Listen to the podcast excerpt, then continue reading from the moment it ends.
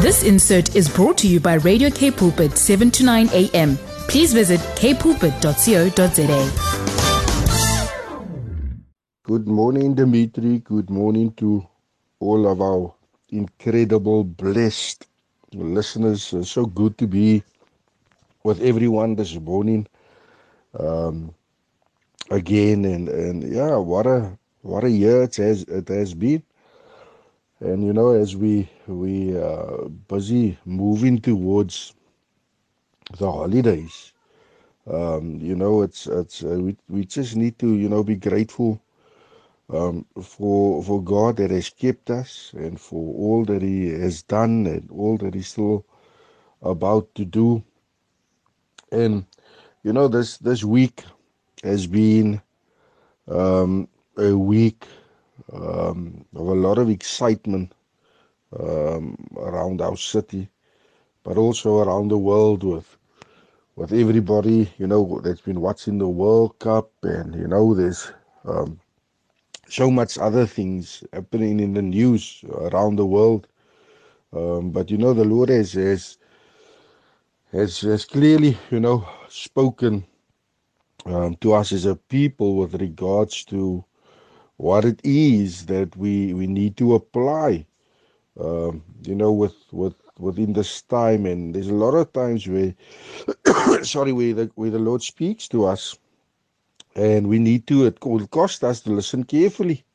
Um, but a lot of times when he speaks um, a lot of times we we are not sure if it is god or or we doubt what we are hearing. But you know with in in all of it that is happening, um, you know, and as we move into a time of the holidays, the Lord clearly said that you know it's so important for us to to rest in Him, and you know, and and, and even with with with the things that is happening around the world, and all that we need to hold on is knowing that there's still abounded grace. You know, abounded grace is a grace that that multiplies over and over again, and and even though, you know, there's so much things that we are facing and that we are fighting in the spirit, even within our city and our nation, we need to just hold on to this. And you know, the Lord has mantled us with authority to turn back the battle at the gates. You know, we, we have that authority and we need to take that authority again to stand within the gates and make sure that the battle turns back from the gates. He has, he has called us and equipped us to stand in the gates of our city, cities, and the nations, declaring kingly decrees that this is far enough and no more.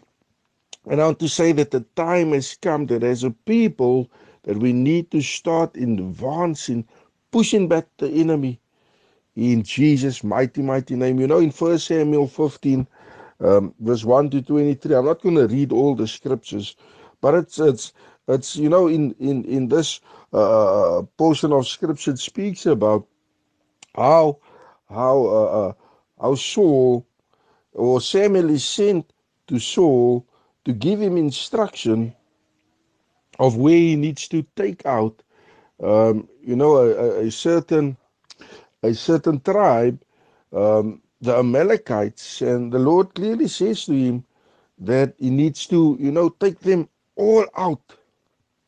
But Saul, he, you know, he allowed um, the men to speak to him and to mislead him to the point where he did not obey what Samuel was saying, or he did not obey what God was saying to him.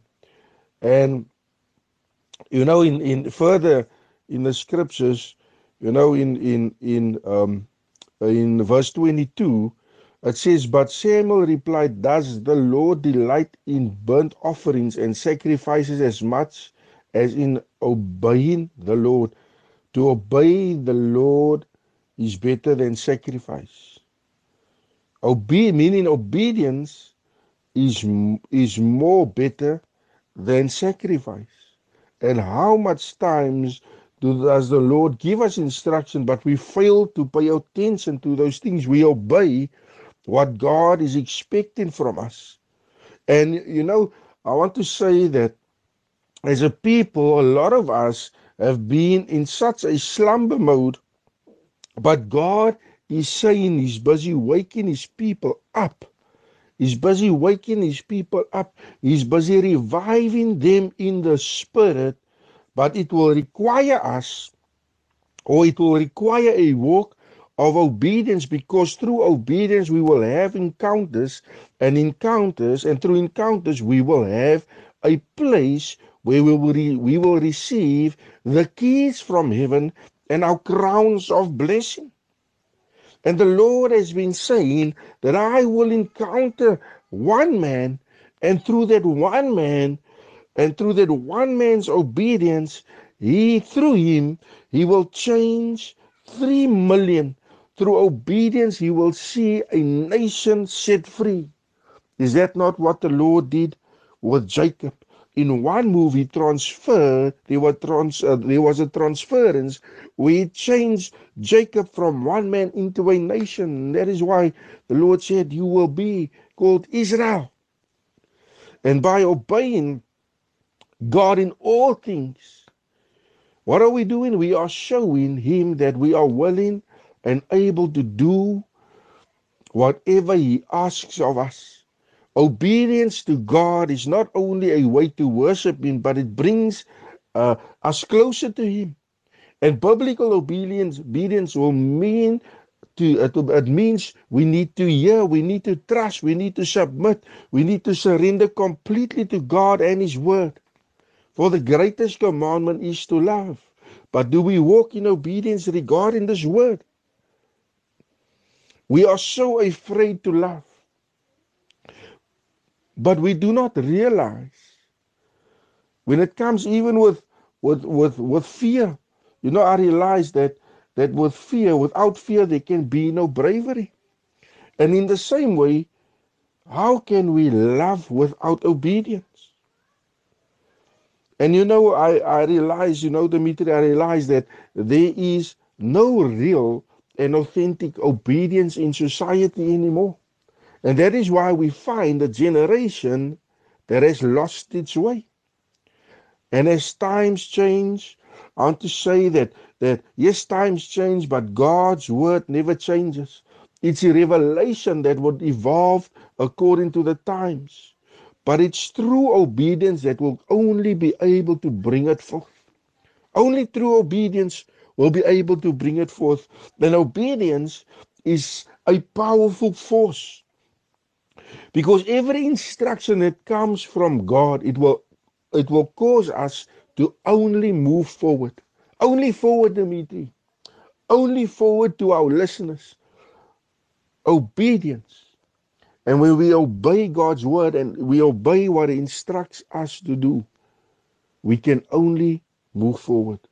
Psalms 128 verse 1 says, Blessed are all who fear the Lord and who walk in obedience. Obedience brings us to a place of revelation. Obedience brings love, closeness, and even healing in our lives. And I want to say to, to us as a people, I want to say to all of our listeners this morning, your obedience will never fail you. Your obedience will never fail you. It will never fail you. And when we connect the voice of obedience to the word of God, and we will see how no mountain will be able to stand in your way. To our listeners this morning, I want to declare and I want to decree this morning that when we connect obedience to the word of God, whatever mountain has been standing in your way, that needs to move in the name of Jesus Christ. In the name of Jesus Christ. And obedience will bring us to a place of knowing God's word. Obedience will bring us to a place where we do not doubt what the Lord is saying to us where we do not doubt or we where we do not overthink things, but when God speaks, we just do. And when we do, we will see how those miracle signs and wonders comes to pass. You know, obedience, or when we walk in obedience, God will make the waters flow uh, flow in the wilderness, but it can only happen through obedience. God said to me that when we are obedient, we we will have a season change in voice, where we will be able to speak into people's lives and their situations will change just like that. What a grace it is to have. When we can speak into people's lives and we things will just shift and change like that. But it will cost us to walk a walk in obedience. And that is what the Lord has, has laid upon my heart this, this week, Dimitri. And to our listeners, have a, a blessed, a blessed weekend. Um, I'm looking forward to to uh, be in studio next week, and I'm really, really looking forward to share uh, worldviews with you guys next week. And I want to say, just trust in the Lord and what He is doing, and and, and as I said, your obedience it will never, never fail you. God bless you, Dimitri, and to our listeners. This insert was brought to you by Radio K Pulpit, 7 to 9 a.m. Please visit kpulpit.co.za.